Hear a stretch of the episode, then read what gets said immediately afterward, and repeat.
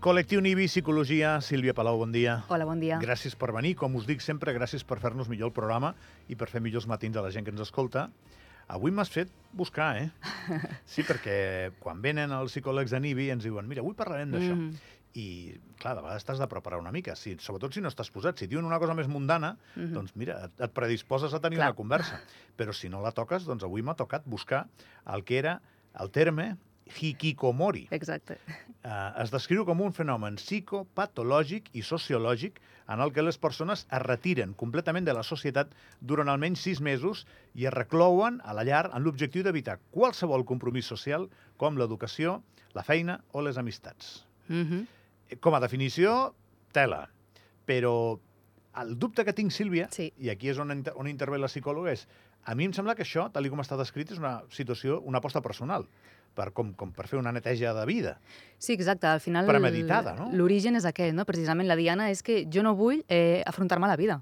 Intencionalment em quedo a casa. Casa vol dir habitació, casa o no, al final un, un indret o el despatx. No vull sortir d'allà. I precisament no vull sortir d'allà perquè no em vull afrontar a pressions externes, com estudiar, doncs treballar o relacions de parella que acaben de deixar, no? Vull dir, són normalment joves, és aquest col·lectiu que trobem, no? que tenen moltes pressions. Llavors, què decideixen? Doncs mira, com jo no em vull afrontar no tinc aquests recursos, em quedo a casa, de forma intencional, sobretot. Perquè deuen tenir calés per fer-ho, també, que és el primer que t'he preguntat. Clar, eh, normalment el col·lectiu, al ser jove, no? depèn molt dels pares o d'un altre adult. És el que se sol trobar, no? Mm. És curiós, els temps canvien, eh? Perquè jo Mhm. recordo que la meva família, quan vaig deixar d'estudiar, que vaig deixar d'estudiar jove, els meus pares em deien que havia d'anar a treballar i ja està, no? Vull dir que si els dic un hikikomori, Mhm. de hikikomori, res. Res, no, no, no. Aixeca't del llit i vas a treballar. Clar, però, tenir- però ara són altres temps, no? Exacte. Hem de tenir en compte també que aquest, bueno, aquesta síndrome té altres factors subjacents, no? Vull dir, són nois o, o adults, no?, també, que tenen doncs, depressió, tenen ansietat. Ja hi ha una vulnerabilitat patològica a què tu ja no estàs bé, no? Vull dir, una, Ja. una persona sense aquest tipus de patologia, no?, doncs potser diu, vale, doncs avui em quedo a casa, no?, però la meva obligació és anar a treballar. Vull dir, al final és una síndrome que neix en un entorn sobretot eh, japonès, no? de Corea també, que és una societat on és molt exigent amb, amb el jove en aquest cas, i també hi ha un hàndicap que hi ha molta manca de- d'ofertes laborals. Llavors, és com un, Ja. per què he d'estar estudiant no? si després no trobaré cap, cap oferta laboral que m'interessi? Llavors, ells mateixos entren en aquest bucle de dir no serveixo per a res, no? I anem retroalimentant una baixa autoestima, un factor depressiu, però, al final... Però és- que- aquest és el sí. terme, no? Retroalimentar. Si tu et quedes Exacte. a casa, quina sortida trobarem amb això? Clar, és Què aquí. fas a casa? Uh, mires sèries, videojocs... Que, que, bueno, sí, pots llegir, no sé. Totalment. Totalment. De fet, hi ha una comorbilitat no? amb addiccions, amb aquest tipus de fenomen. Clar, la pandèmia, no? per exemple, Sí. obligadament ens vam tenir que quedar a ca- a quedar a casa. No? Doncs què fèiem? Doncs miràvem la tele, potser fèiem esport a casa, no? o potser jugàvem, o, bueno, sí, altres estudiaven, però majoritàriament aquest col·lectiu de joves, adolescents, doncs xarxes, tecnologia, jocs, addicció... I aquest fenomen s'assembla, no? s'assimila moltíssim. El fet de quedar-te a casa i potser perdre hores amb una pantalla no? sense cap, no? cap objectiu productiu, sense cap fita de vida, i és aquí on els psicòlegs eh, entrem, no? és on, on s'activa l'alarma. Com entres? Mm -hmm. Normalment entrem amb la família. Sol ser una trucada de la mare, no? preocupada de és que porta un mes sense sortir de casa, no es dutxa, no vol parlar amb ningú, no vol parlar amb nosaltres, menja horaris desregulars, no? Que és bèstia, eh? Clar, dorm malament. Llavors, aquí és on entrem. Com entrem? Virtual. Perquè al final, clar, no, la persona... no vas a casa a veure'l.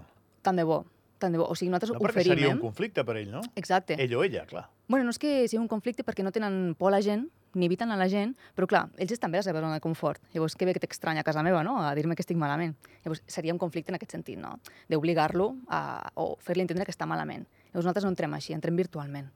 El que fem normalment és una visita amb els pares, també, de forma virtual, o ells venen a la consulta, i què està passant, com el veieu, des de quan, no? Hi ha algun factor que estigui, potser, mm, influenciant la, al jove, no? Doncs pressió familiar, per exemple, un pare molt exigent. Llavors, intentem fer com en paral·lel, la família i després el jove. És curiós, això, clar. Clar, Probablement aquí hi ha una causa, no? un origen. sí. Normalment això sol ser més una conseqüència, més que una causa, aquest fenomen. Ja. Mm. Bueno, i, i llavors, eh, com es torna a, a irrigar una vena Sí. eh, seca, no? Eh, com, com, ho fas? Com aconsegueixes Mhm, mhm. que desperti la curiositat per l'aire pur, per el contacte amb una altra persona, per una conversa? Porta temps, això, eh? Vull per un sopar, per un cinema, jo què sé. Clar, però aquest és un objectiu eh, de la teràpia. Vull dir, trobar activitats plaents que abans feia segurament, no? Tam, Mm. Potser doncs, jugar a bàsquet o anar al cinema o quedar amb amics, bàsicament, no? I començar a incitar-lo. Però a banda d'això hem de treballar habilitats socials. Però solen ser joves o adults que porten molt de temps aïllats. I per tant, les habilitats socials de la comunicació doncs, a minvat. Per tant, hem de començar a treballar habilitats socials, autoestima, empoderament, no? Intentar que el jove se senti doncs, capaç de sortir una miqueta, exposar-lo a poc a poc, sense pressió, no? I el més important, que sempre els dic als pares, evitar pressió. Perquè, clar, si precisament s'ha aïllat perquè se sent pressionat, doncs el psicòleg no pot pressionar-lo. És un peix que es mossega la cua, Sílvia, això. La vostra feina és apassionant, eh? Sempre És ho dic, eh? complicat. No, perquè pressió, la vida és pressió. O sigui, Clar. des que comences fins que acabes, no? Uh, Mm. Sempre hi ha expectatives i poden ser altes, baixes, regulars, Exacte. però afrontar-les forma part de, de, de l'èxit. Uh, però, Clar. clar, quan et trobes tan lluny, Mm -hmm. aquí és on dius, com, com començo jo a rehabilitar la capacitat per afrontar la existència de les expectatives. Ja, ja, Claro. no, ja no combatre-les amb, amb èxit, sinó la, ja et molesten fins i tot l'existència de les expectatives. I a tu mateix, eh? Vull dir, el problema és Ja. quan tu no et poses recursos per fer-li front, quan te és les fas tu mateix. això. Sí, I no és una depressió, això. no, I no és agorafòbia. exacte. Això és important, perquè molta gent ens diu, és que té agorafòbia. Que és el primer que penses, no? Claro, no? Una persona que s'aïlla dius, ui, no li agrada la gent. Pues no té res a veure, no? Potser aquesta persona està aïllat per les pressions socials o pressions familiars o laborals. Vull dir, no té res a veure amb la societat. Una persona amb agorafòbia, que aquest sí que és un trastorn doncs, eh, del manual de diagnòstic no? que utilitzem els, els sanitaris al final, Uh -huh. una agorafòbia és que tu vols evitar la gent, perquè et sents en, en situacions que no pots escapar. Típic eh, atac de pànic al carrer, no? perquè hi ha molta gent, o en un centre comercial. Doncs això es podria catalogar d'agorafòbia. No m'agrada estar en llocs on hi ha molta gent i no puc sortir d'allà.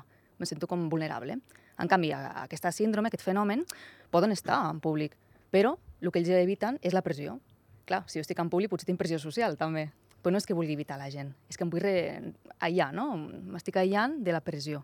Evidentment, hi ha persones que doncs, tenen més vulnerabilitat social i altres que potser és més familiar. Recordem que us estem parlant d'un fenomen que està definit amb un, amb un terme asiàtic, que, Mm. que és japonès, Mm. això, Sí, exacte. hikikomori, i que, que bé, in, interpreto que aquesta persona, quan està patint aquest procés, deu pensar que té raó, no? O sigui, o la Mhm. seva raó, que està fent bé, no? Sí, passa o que... què? O, o, perquè, o, o genera encara més frustració i Clar. acaba amb una depressió? Aquí està, no? Que pot haver una comorbilitat molt fina amb una depressió. Ja. Perquè al final és com una pèrdua de la realitat. Vull dir, tu estàs aïllat i no saps ni el que passa fora, ni t'interessa el que passa, perds amistats, perds família també, i no, el, no ets conscient del tot, no? Tu estàs fent el teu dia a dia aïllat i per tu està bé. Per tant, segurament a nivell d'esquemes cognitius començaran a ser disfuncionals. No? Segurament seran joves que pensen no per a res, per això m'aïllo, no, no seré mai capaç de sortir d'aquí, no? ningú m'estimarà. Llavors sí que, clar, és molt fina la línia de caure en una depressió, i és aquí on hem de prevenir.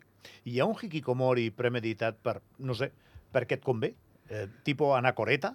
Mm, bueno, més Saps per on vaig? Sí, però més aviat són joves que, crec, eh?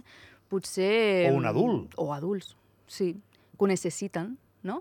Com... Bueno, és que allò de l'any sabàtic ho associem a viatjar, que és tot el Clar. contrari, no?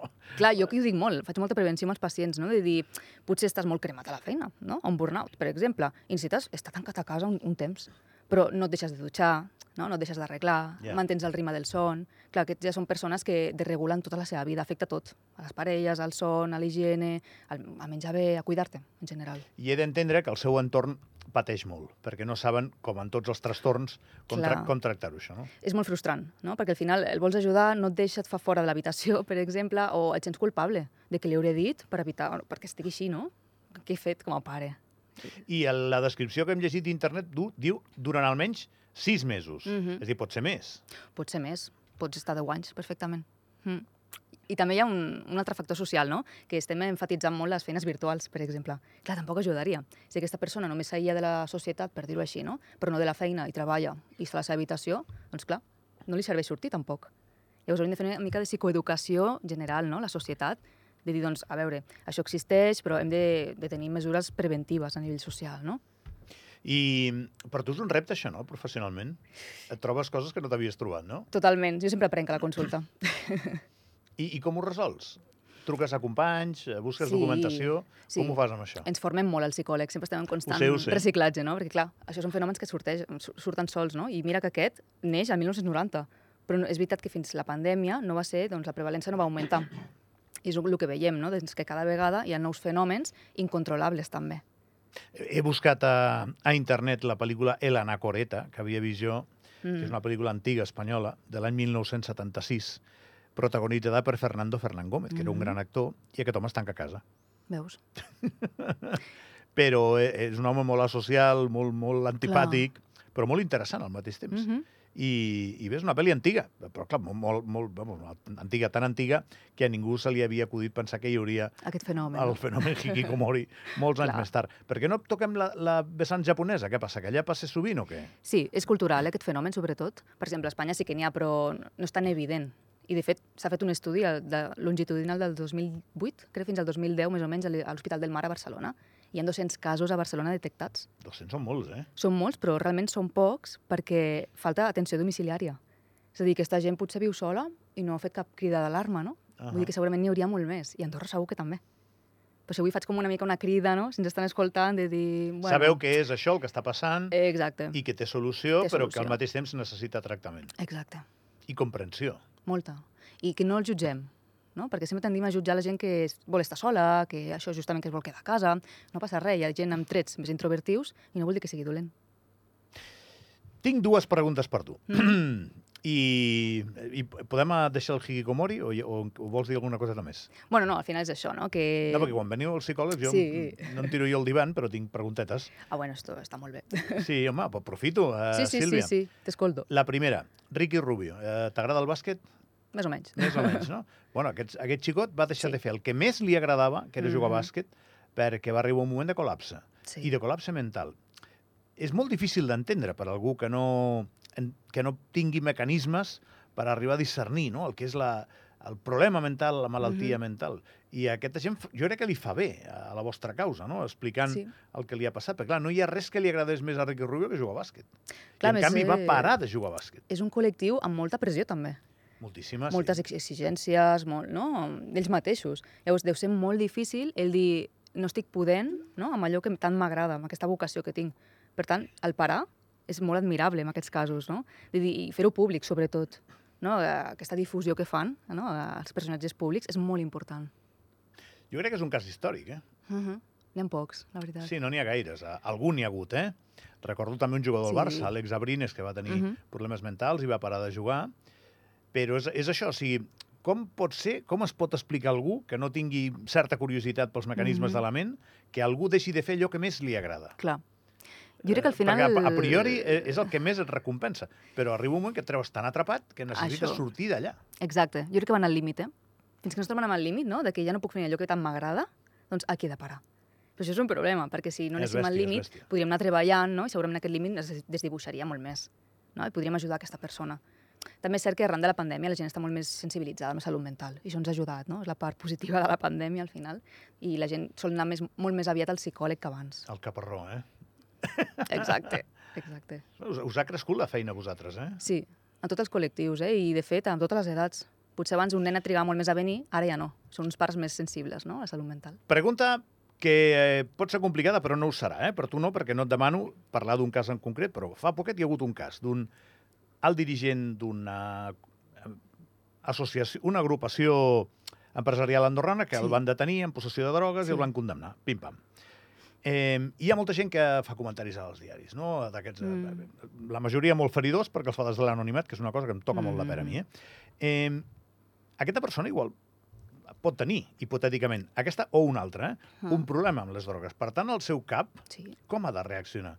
Perquè si reacciona punitivament, però sí, la llei ja l'ha ja castigat, no?, pel Sí. que ha fet, però el, després hi ha el tema personal. Si reacciona punitivament, igual aquesta persona l'enfonses, eh? moltíssim. O sigui, s'ha d'empatitzar molt amb això. És que la culpa és molt fàcil de tenir-la.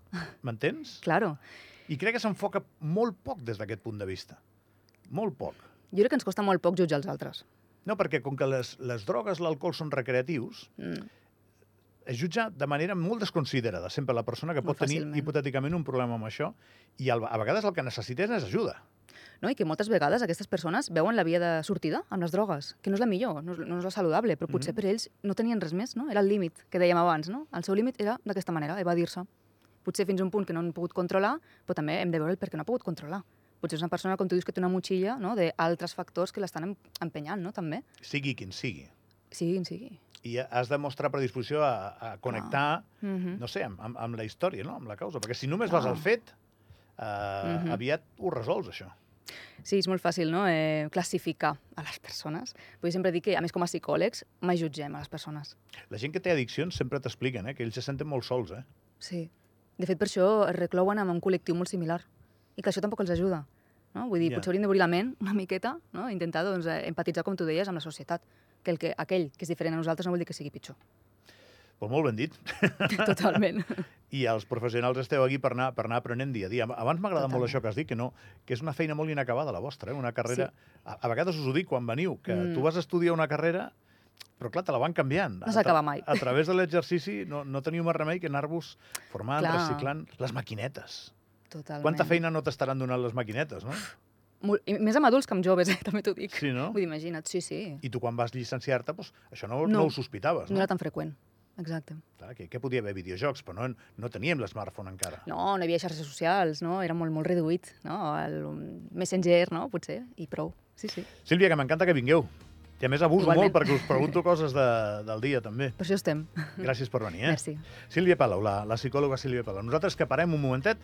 A l'última hora tenim tipus d'interès, economia amb Morabanc, però avui és, no, no és de la línia dura. Eh? Avui parlem de l'exemple vivent, eh, bueno, vivent, constatable, d'una persona que des d'un càrrec directiu va exercir una influència tant econòmica com professional molt interessant en l'empresa que dirigia. Catherine Graham, la propietària i CEO de The Washington Post, a l'era daurada del periodisme als Estats Units. I també les sèries, amb Anna Mata i Àlex Moldes. Tot això aquí, a l'Avui serà un bon dia, Ràdio Nacional d'Andorra.